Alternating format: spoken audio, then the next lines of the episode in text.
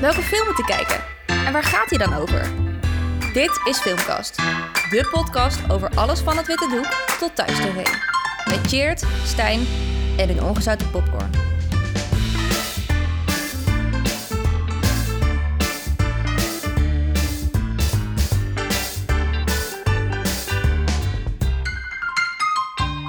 Welkom, dames en heren. Het moment is eindelijk daar dat ik live bij de podcast mag zijn. We zitten hier in Cheert's kamer. Het is inmiddels een soort van zomer. Nee, het is lente. Het is geen zomer. Het voelt als zomer. Ehm, en we gaan het nu live meemaken. We gaan iets horen over een film, denk ik. Fargo, toch? Ja. Ehm, nou, ik vind het heel spannend. ik weet niet wat ik moet zeggen nu. Knip het er maar uit. is Hoe voel je je erbij dat je dit live mee mag maken? Ik vind het echt heel spannend. Het is een soort van droom die uitkomt. Is dat zo? Jazeker. En sinds wanneer luister jij Filmkast al? Uh, vanaf het eerste begin. Vanaf het eerste begin. Ja. Drie jaar geleden ongeveer. Ja, en we zijn nu inmiddels drie podcasts verder. Als ze alle drie geluisterd. Onze allergrootste fan. Ja. Nou ja, top. Leuk dat je erbij bent. Heb je nog wat uh, in te brengen over deze film of heb je hem niet gezien? Ik heb uh, het laatste stukje mee mogen kijken. En ik vond het, uh, wat ik heb gezien, vond ik heel, heel leuk. Ik zou hem wel helemaal willen zien. Maar daar is geen tijd meer voor. Helaas. Nee. Nou oké, okay. leuk dat je erbij bent. Laten we vooral even naar Cheert gaan luisteren... die een korte samenvatting geeft van wat we hebben gezien. Wait, it's Jerry. I don't know what to do. It's my wife. We gotta talk. It's something hard, jeez. It's terrible. Oh, I got the state looking for a Sierra with a tank starting DLR. I'm not sure that I agree with you 100% on your police work there, Lou. I think that vehicle there probably had dealer plates. Jeez. DLR. Zeg je Hollywood, dan zeg je Coen Brothers. Samen hebben ze meer dan 30 films geschreven, meer dan 25 geregisseerd en 8 Academy Awards binnengesleept. Halverwege hun repertoire wijst menig filmfanaat de klassieker The Big Lebowski aan, maar je zou daardoor bijna vergeten dat een nog excellentere film twee jaar eerder op hun naam uitkwam. We hebben het dan natuurlijk over Fargo, een culthit die de legendarische stijl van de Coen Brothers drie dubbele wereldfaam opleverde. Zeven Oscar-nominaties waarvan er drie beeldjes mee naar huis gingen. Deze podcast vertellen we je meer over de kneuzen in Minnesota, waaronder William Macy en publieksfavoriet Steve Buscemi. We kijken naar Fargo, nummer 176 van de top 250. There's a high-speed pursuit, we got a shooting, and then this execution type deal. Million dollars a lot of damn money. They got my daughter. Hi, hon. Brought you some lunch, Margie. What are those, night crawlers? Oh, yeah, looks pretty good. Het is ergens wel grappig. In de tijd dat het uh, in, uh, in Nederland en uh, in de plaats waar wij ons bevinden, Rotterdam, het zonnetje begint met schijnen, de temperatuur oploopt naar 20 graden, kijken we naar een film waar het ijs en ijskoud is en de sneeuw buiten, nou, een paar meter wel dik is, denk ik.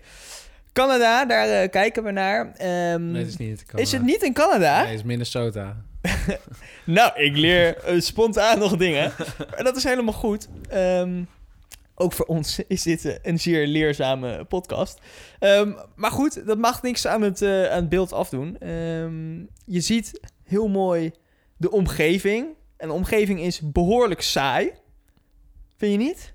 Uh, ja, ik vind het wel behoorlijk saai. Ja. Nou, ik vind... Je ziet vooral veel wit. Ja, en precies. een weg. Maar dat is, de, ergens is dat natuurlijk ook wel weer kenmerkend voor die Coen Brothers. Dat ze, juist wat ik zo mooi vind in deze film en aan bijna al hun films, is dat het over het algemeen heel saai is. Niet de hele film, maar wel dus de, de setting waarin het zich afspeelt. Ja. En, en dat is een van de sterke punten. Heel normaaltjes, zo zou je het ook kunnen Super normaaltjes. Ja. En, um, Wereldsterren zijn eigenlijk helemaal niet te vinden in hun films. Nee, en het mooie ook bij de, bij de films, uh, je zegt van de, van de Coen Brothers. Heel veel mensen zeggen ook Koen Brothers. Mag het allebei of is het uh, echt ja, Coen? mag wel allebei. Ik heb ook uh, 25 jaar lang Koen Brothers gezegd. ja. dus. Wat ik wel mooi vind is dat je eigenlijk bij hun krijg je uh, nooit echt een per se een introductie of begint de film met een voice-over of zo. Dat is eigenlijk nooit echt.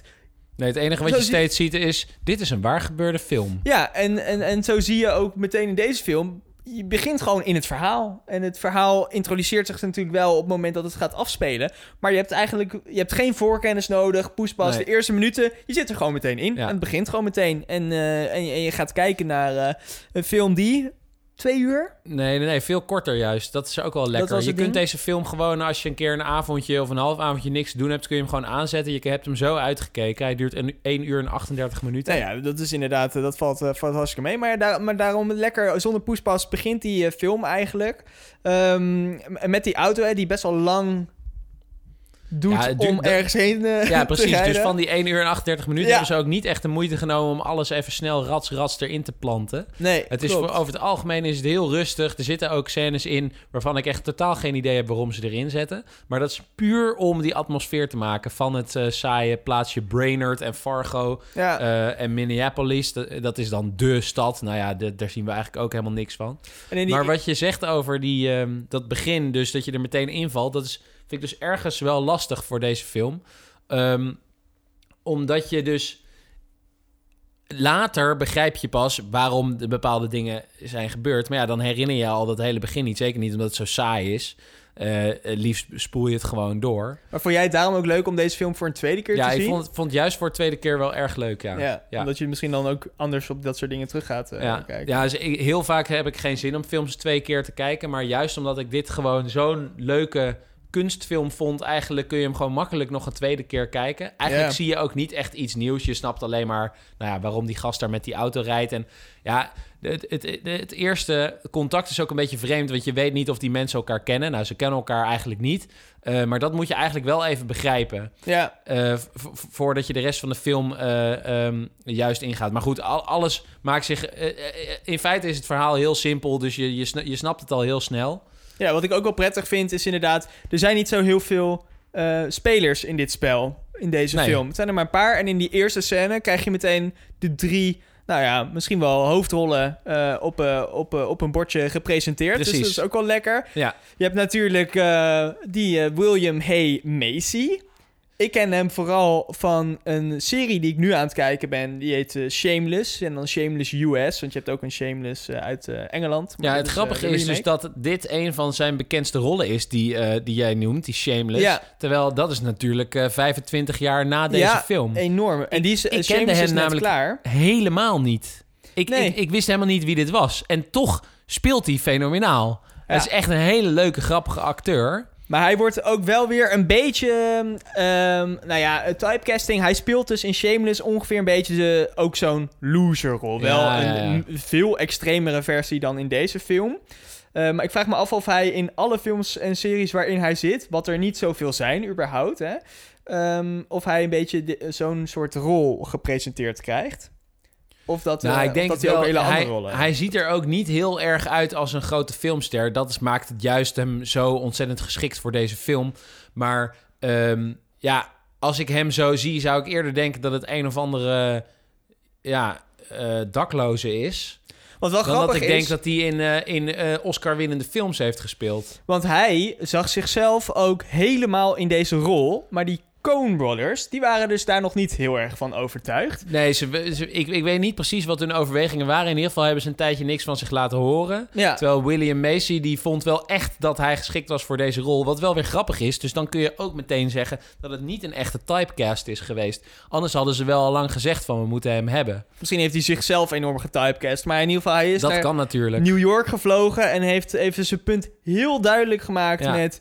Jullie moeten deze rol echt, echt aan mij geven. Anders schiet ik jullie hond dood. Ja, heeft hij er wel bij gezegd. Het was wel een grapje, zei hij later. Maar, eh, en misschien maar goed dat hij dat heeft gedaan. Want wat je zegt, hij speelt wel echt goed eh, in deze rol. Ja, het- je het je hebt het is- echt met hem te doen. Ja, het grappige is, eh, misschien hebben mensen de serie Fargo gekeken, eh, die volgens mij dus ergens in 2015 begon.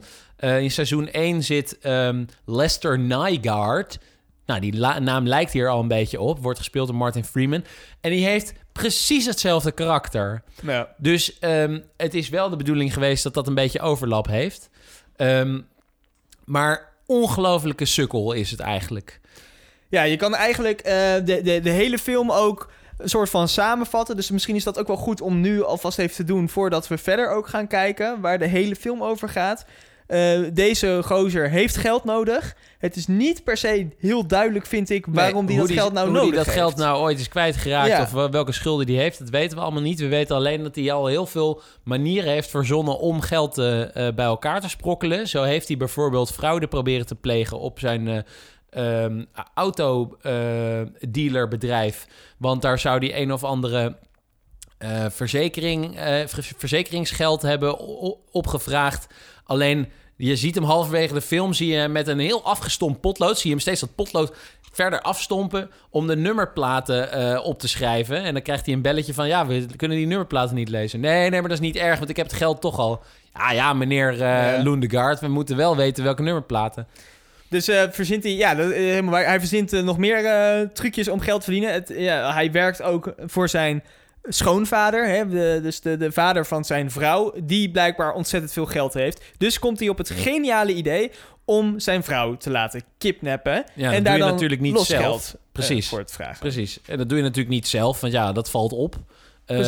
Dus daar heb je twee gasten voor nodig. En eh, die ontmoet je dus ook al helemaal aan het begin van de film. En wat wij dus allemaal je nu vertellen, dat weet je dus nog niet aan het begin van die film. Dat wordt op een gegeven moment wel duidelijk. Maar aan het begin zie je ze gewoon in een café met z'n drie aan een tafel. En je merkt al wel meteen hoe de dynamiek is. Hij heeft de touwtjes niet zozeer in handen zoals je eigenlijk zou willen dat iemand in die niet- situatie zit. Hij heeft in die situatie in inderdaad niet echt overwicht. Eh, eerder overwicht heeft Pieter Stormer, die helemaal niks zegt. Die zit alleen maar sigaretjes achter elkaar weg te paffen. Maar dat is eigenlijk de enige cool guy. Eh, de doorgewinterde crimineel. En daarnaast zit het maatje Steve Buscemi. ehm, die ja, een iets korter lontje heeft en vooral heel snel aardig wat geld wil verdienen, snel weer weggaan. Eh, nou, een deel van de deal is al niet goed gegaan, daar is hij alweer kwaad over. En die temper die wordt alleen maar erger en erger en erger door de film heen. Ehm, terwijl die Peter Stormare, ja, we kennen hem ook eigenlijk gewoon als crimineel. Ik zat te kijken, hoe, wie is deze gast? Ik herken hem zo, maar waarvan dan? Nou, ik weet het nu. Hij heeft dus in seizoenen van ehm, Prison Break gespeeld. En daar speelt hij ook een of andere... Ook als ik hem nu zie in die praatprogramma's... het is gewoon echt een dikke crimineel. Ja, ja. Ehm, hij, hij is altijd een boef. Nou ja, goed. Lekker gecast weer in deze, in deze film. Ehm, maar goed, deze twee kneuzen die moeten het, eh, moeten het probleem even voor eh, eh, Jerry... Hoe heet hij nou? Le- Larry Noendegaard. eh, Lundegaard moeten ze, oplossen. eh, oplossen. En ehm, je ziet eigenlijk ook al meteen in het begin dat het misschien niet de twee beste zijn om uit te kiezen. Die Steve eh, Buscemi is een uh, praatgraag gozer, een beetje een gladjak die, eh, eh, waar, waarvan je ja, moeilijk te peilen. En die ander, wat, eh wat Tjert net al zegt, die zegt niet zoveel. Eh, maar in ieder geval, de plannen worden wel duidelijk. Dus er moet iemand worden ontvoerd. Ehm, die, ehm, eh, die Jerry die heeft een auto voor hun geregeld waarmee dat kan. Hè? Hij werkt nou immers bij die autodealer, dus een auto is snel gefixt. Hij gaat die auto, die heeft hij al mee, want dat is die sleepwagen natuurlijk die je aan het begin ziet. Hè? Daar hing een auto achter, die is voor hun. Ze spreken een plan af. Eh, daarbij wordt gezegd, hoeveel geld krijgen ze ook weer? 20.000 dollar? Ja, niet zoveel. Volgens mij 40.000 of zo. Ja. Omdat ze, ze hadden afgesproken, ik ga 80.000 vragen. Precies. En dan krijgen we allebei de helft. Zoiets inderdaad. En uiteindelijk merken dus ook later in de film dat het om een miljoen dollar gaat. Uit, eh, tenminste, dat wordt dan gevraagd. Dus dat is een heel Ook ander, wel weer eh, slim natuurlijk, hè? Want hij dacht, als ik het nou zelf regel... dan doe ik gewoon net alsof mijn schoonvader een miljoen dollar moet betalen aan losgeld. Dan geef ik hun 40.000 en dan hou ik die eh 8.000 zoveel hou ik lekker zelf. Precies. Ehm, dit wordt in ieder geval dus eh, daar ook afgesproken. En dat is eigenlijk de introductie eh, van, de, van de film, hè? Van het verhaal ook. Ja, ja meer, meer hebben we op dit moment eigenlijk niet. En we gaan deze paar mensen gaan we de rest van de film volgen. Er komt één iemand extra eigenlijk die een, ook een grotere rol heeft. Die daarvoor zelfs een Oscar gewonnen heeft. Die hebben we nog helemaal niet genoemd. Dat is... eh, nee, dat is niet Kristin Rudrut, want die was heel irritant. McDormand. Precies. En waar kennen we haar van? Nou, ik herkende haar dus uit ook een film die ze pas veel later heeft gedaan. Dat was die Three Billboards Outside Ebbing, Missouri. Oh ja, waar ze echt een beetje die enge moeder speelt, toch? Volgens mij heeft zij daar dus ook een Oscar eh, voor gewonnen. Eh, deze mevrouw heeft in totaal twee Oscars gewonnen, dus dat zou heel goed ja, kunnen. deze heeft ze inderdaad ook gewonnen voor, eh, voor Ongelooflijk. eh, die film. En ze zit ook in Moonrise Kingdom. Vind ik ook echt een hele leuke film. Is van Wes Anderson. Ja, wat wel grappig is, want ik vind de stijl waarin de Coen Brothers en Wes Anderson films maken wel heel erg op elkaar lijken. Ja. Wat, wat, er eigenlijk, ge- wa- wa- wat die filmmakers eigenlijk doen, is ze maken een groep mensen waarbij niet eh, iedereen een beetje wegvalt in het decor of wegvalt in de groep. Maar elk karakter heeft ook daadwerkelijk een karakter, een eigen kledingsmaak, een eigen achtergrond. Ehm, iedereen is, eh, eh, heeft praktisch een eigen kleur. Ehm, en dat zie je ook heel goed terug in die Wes Anderson films. En ze heeft niet één Wes Anderson film gedaan. Ze heeft ook The Isle of Dogs gedaan. Aha, die van is nog. natuurlijk ook van Wes Anderson. En ze zat ook in Hell Caesar. En dat is dan weer een Coen Brothers film. Dus dat ook is, eh, een van de leukere. Coen Brothers films. Dus zij heeft inderdaad veel gedaan. Ook dus, eh, wa- wat Cheert al zegt, Oscar gewonnen voor Fargo. Dus dat zegt genoeg. En ik vind haar ook echt... eh, nou ja, zij draagt ook wel de film. Naast die, eh, die William Hay Macy speelt zij ook wel erg goed. De normale vrouw die ook politieagent is eigenlijk, hè? Ja, wa- wat, wat vooral lekker is aan deze film... is dat iedereen zo ontzettend dat Minnesotiaans op de hak neemt. Dus, dus volgens mij hebben ze zelfs een boek gelezen... met hoe moet ik zo, ontzettend, zo dom mogelijk overkomen. En dan he- hebben ze dan allemaal dat, dat accent... dat zetten ze lekker aan. En dat doet ook deze vrouw. Wat je hier eh, echt aan de Coen Brothers doet denken... is dat ze elkaar continu op een hele vreemde manier groeten. En... eh, ja, ze weten eigenlijk niet zo goed waar ze het over moeten hebben. Dus ze zeggen eigenlijk alle, ze zijn het al- altijd met elkaar eens. Ze zeggen altijd ja, Ja. ja, Wat wel ja. grappig trouwens is dat deze Francis heeft ooit samengewoond met de Coen Brothers in een Dat appartementje. meen je niet. Meen ik. Dus hebben ze dat elkaar maar, op die eh, manier leren kennen? Het zou zomaar kunnen. Oh, dat zou wel heel mooi zijn. Nou, eh, eh, eh, go- een goede rol voor deze vrouw. Ik ken haar eigenlijk verder niet echt heel erg. Ik vind ook niet per se dat ze zo'n super blijvende eh, indruk achterlaat. Maar ja, eh, deze film Fargo had inderdaad echt wel genomineerd moeten worden voor een aantal Oscars. Ja, en dan ga je natuurlijk al snel kijken naar de acteurs die erin zitten. Ik vind haar prima spelen. Ik vind het niet echt per se eh, super hoogstaand. Ik had Jij zegt, eerder natuurlijk, gezegd... jij zegt nu natuurlijk wel genomineerd voor een aantal Oscars. Maar als je die film kijkt, ik heb de eerste keer gezien. Ik Het is een goede echt- film, maar natuurlijk een aantal Oscars vind ik wel een eh, Nee, ik statement. vind dit wel echt, echt een Oscar-waardige film. De manier waarop alle karakters worden neergezet... ehm, ehm, de, de, de atmosfeer die zo ontzettend rustig is... en juist daarin die enkele extreme bloederige uitspattingen... geeft je een heel erg ehm, spannend gevoel van deze film. Ehm, eh, de, de, de, de regie is ontzettend goed. Want je hebt geen enkel moment dat je naar een filler zit te kijken. Ook al is, wordt er, gebeurt er helemaal niks. Ook al gaat die vrouw met een of andere rare eh, middelbare schoolvriend een drankje drinken. Ja. Je hebt geen moment het gevoel dat iemand of uit character is, slecht speelt, of dat ze alleen maar tijd zitten te vullen.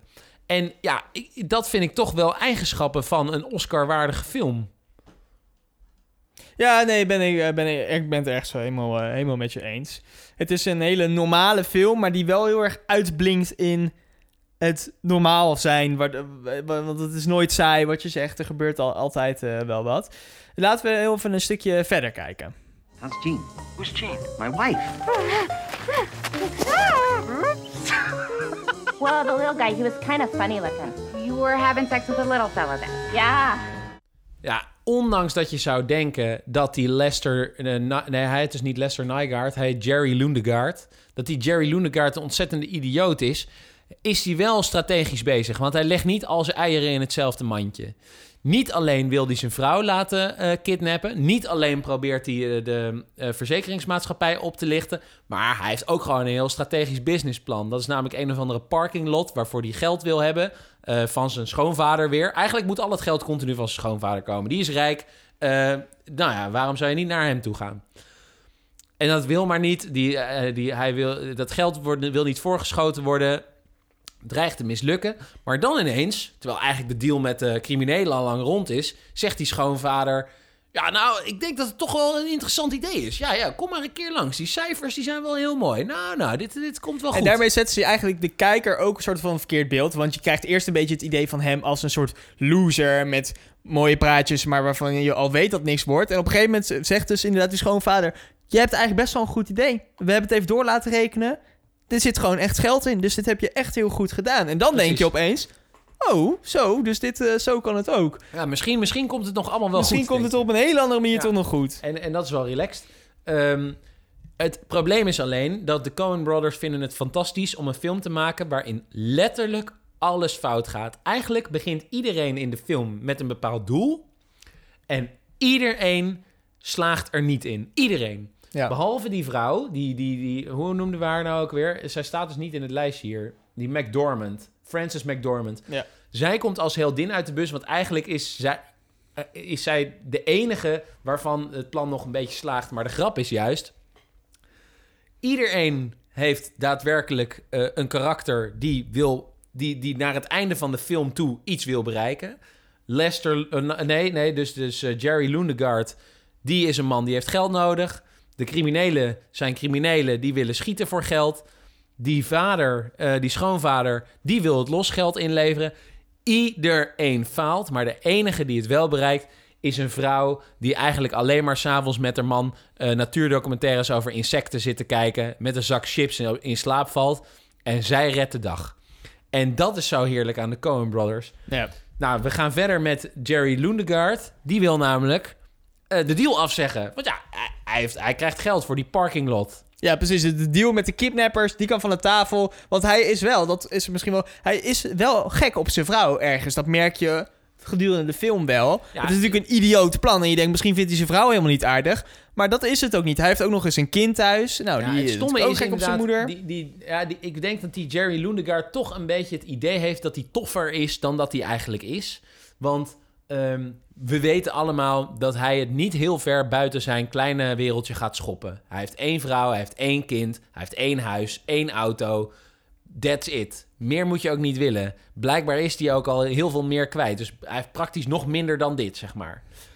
Maar dan is het dus wel bijzonder dat hij dus één van die, nou ja, die vier dingen op het spel zet, namelijk zijn vrouw.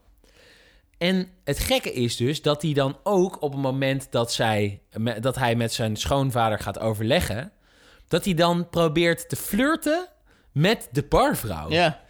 Hij heeft volgens mij het idee dat er veel meer voor Ja, hem ja, in petto is dan het leven wat hij nu leidt.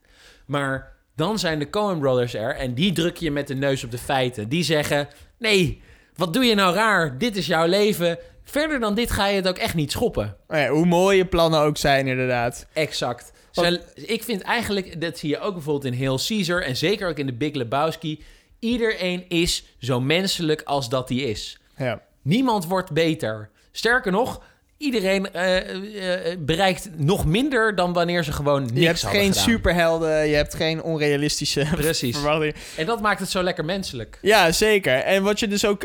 Uiteindelijk gaat het dus vanaf nu alleen maar bergafwaarts. Dus hij probeert die deal af te zeggen dat zijn vrouw wordt gekidnapt. En die Ja. deal is gemaakt via zijn monteur bij een, of andere, garage. rare gast, ja. Nou, die, heeft eigenlijk geen ander nummer dan die al heeft. En het contact is eigenlijk onmogelijk te, te leggen met, eh, met de criminelen waarmee hij die deal heeft Ja, gemaakt. en het, wat echt legendarisch is, wat ik zo mooi vind, is de, die, die, die Jerry Lundegaard is zo'n ontzettende loser, dat hij dus niet zegt van, moet jij eens heel goed luisteren, wij moeten nu mijn vrouw gaan redden, want eh, nee, dat is, eh, alles is al geregeld, ik wil het niet meer, je hebt het verkeerd geregeld. Ja. Nee, wat hij doet is, oké, oké, Ja. nou, is goed, Eh, ja, nou, eh, ik zie je later, en dan druipt hij af. Ja, precies. Wat is dit nou? Ja. Hij laat volledig, eh, gewoon, gewoon niet door criminelen, maar zelfs gewoon door een of andere rare monteur, laat hij volledig over zich heen lopen. Ja, maar goed, dan heeft hij nog wel de kans dus op die andere mooie deal bij zijn schoonvader. Dus daar gaat hij op gesprek. Dan denk je dus, als je die film kijkt... nou, dit kan hem wel eens die klap geld opleveren... Waar, wat, wat hij zo graag wilt. En of hij dat dan echt aan die parkeren ding gaat uitgeven... of dat hij dus daar wat anders mee moet gaan doen... Ja. is ook geheel onduidelijk. Ja, zou er dus nog één succesje in deze film gaan zitten? Ja.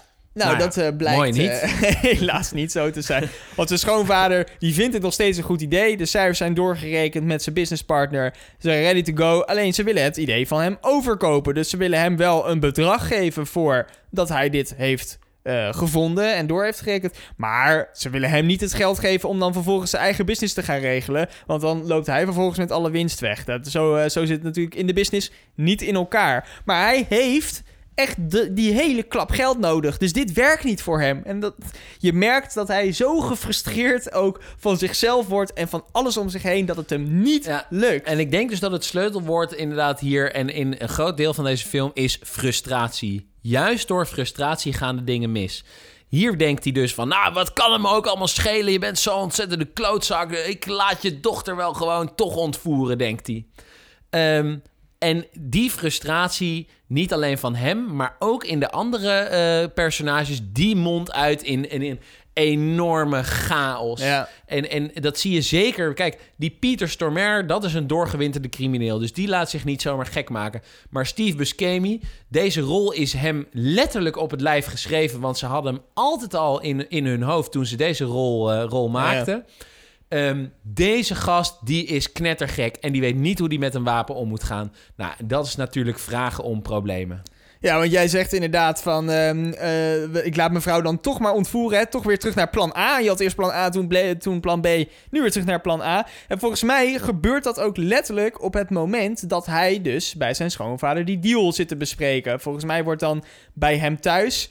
komen de criminelen naar binnen om zijn vrouw te halen. Weet ik niet meer zeker. Maar goed, Ja, nou, dat klopt. zijn vrouw wordt eh, in ieder geval uit huis gehaald. Dat gaat ook niet helemaal vlekkeloos. Hè? Want die criminelen dat zijn echt criminelen van niks. Maar goed, uiteindelijk krijgen ze die vrouw mee. Stappen in de auto. En dan onderweg.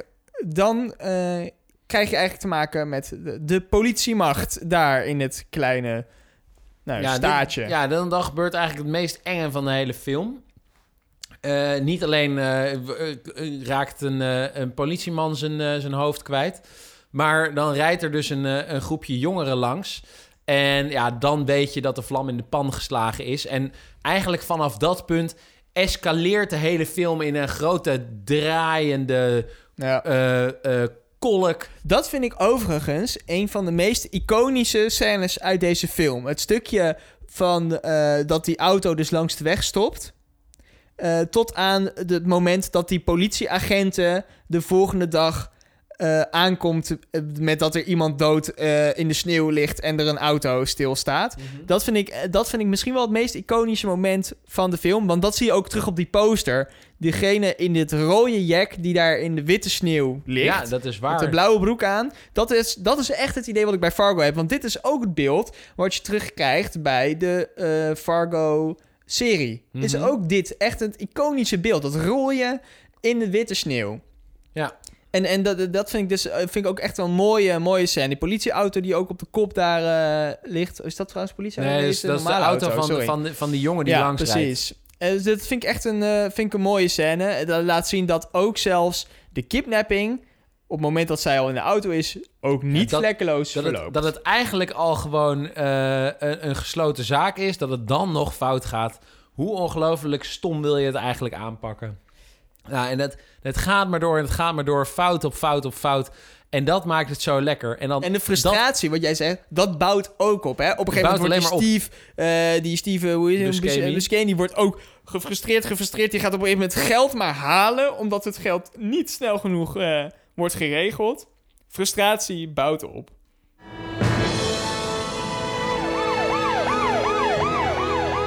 Mr. Lundegaard, you mind if I sit down? Carrying quite a load here. Where's Jerry? Got your damn money. Now where's my daughter? Jeez. Ja, dus het, het, het, het wordt gekker en gekker en gekker. En de frustratie, die zorgt uiteindelijk dat, dat de boel volledig ontploft. En dan heb je juist het mooie aan deze film... jij aan het begin zegt van... ja, wat is het nou voor saaie film? Alles is hetzelfde, links, rechts, overal sneeuw. eh, geen, eh, geen hond te bekennen. Ehm, en dan komt een auto aanrijden. Nou, dat is het dan. En dat juist... en dat vinden ze zo mooi. Dat juist in zo'n rustige omgeving... zo rustig dat alles bedekt is met een maagdelijke laag sneeuw... dat daarin ehm, zo'n idioot verhaal zich kan afspelen. Ja, want, En dat de rest van de wereld er volledig langs leeft. ja, want de climax van dit verhaal, dat zit echt in het einde. Het is ook grappig om nog even te zeggen dat wij deze film in twee delen hebben gezien. Want voor mij was het sowieso de eerste keer omdat ik deze film zag. Twee delen omdat de avondklok hier natuurlijk toen nog eh, geldig was. Dus we konden niet in één keer de hele film kijken. Maar we hebben precies volgens mij helft om helft gekeken. Nou, die eerste helft duurde voor mij best wel lang. Want wat ik al zei, er gebeurt zo weinig en het duurt lang. En die tweede helft voelt alsof je in 10 minuten die hele film Ja, kijkt. Van, dan afgelopen. gebeurt alles. Ja. Alles. Het is fantastisch. Ja, en, en, maar desalniettemin vind ik zeker ook die eerste helft zeker de moeite waard om te bekijken. Juist omdat je niet verwacht dat er, Ja. dat er zo'n idioot eh, plan in zo'n zo'n ontzettende Henk ehm, eh, ontstaat. Eh, en, en dan over de uitvoering nog maar te zwijgen. Zeker. En dan, eh, zoals jij al helemaal aan het begin noemde, deze film staat op plek 176 in de top 250 op het moment dat wij deze podcast maken. Hij scoort trouwens ook enorm hoog bij de critici. 25, eh, 85, sorry, metascore. Dat is erg hoog. Dus die film doet het al vanaf het begin af aan ontzettend goed. En begin af aan is 1996, dus dat is al een behoorlijke tijd. Een 8,1 op IMDb. Tjeerd, geef jij hem dit allemaal mee?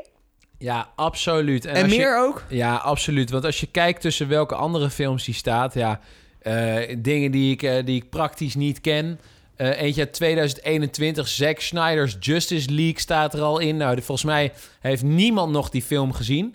Kijk, hij staat net onder een Blade Runner. Nou, nu vond ik deze toch echt wel beter, makkelijker te volgen dan die Blade Runner, die wat mij betreft veel te lang duurde. Ehm, Room staat hier vlakbij. Vond ik ook niet zo ehm, eh, kenmerkend als deze film. Dus ik vind hem minstens plek 176 en liever nog hoger. Alright, nou, eh, ik, eh, ik vind het moeilijk te vergelijken met, eh, met de andere films in de lijst. Dat is eigenlijk elke film zo. Dus ik geef hem zeker ook wel een plekje in die top 250. M- Waar ik hem zou plaatsen, weet ik niet. Ik vind deze plek op zich wel heel erg goed. Want er zijn nog steeds heel veel andere hele goede films. En deze film mag er zeker ook zijn.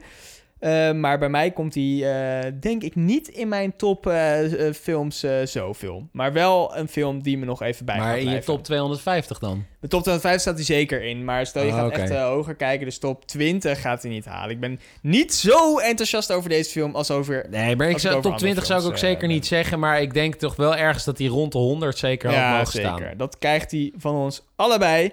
Ehm, en dan is dat het alweer voor, eh, voor deze keer. Wat we de volgende keer gaan kijken. Wie Ja. zal het zeggen? Ik ben heel benieuwd naar het einde van de lockdown. Ik, zouden er nog films in de koker zitten die toch nog gereleased kunnen worden? Of heeft Hollywood zo lang stilgelegen ik denk, dat nou, ik denk dat er wachten? enorm veel in de, in de wachtrij staat. Maar Noem op- eens wat. Nou ja, dat, eh, dat gaan we allemaal zien. Eh, dat eh, Ah, dat zijn alle films die uitgesteld zijn vanaf vorig jaar.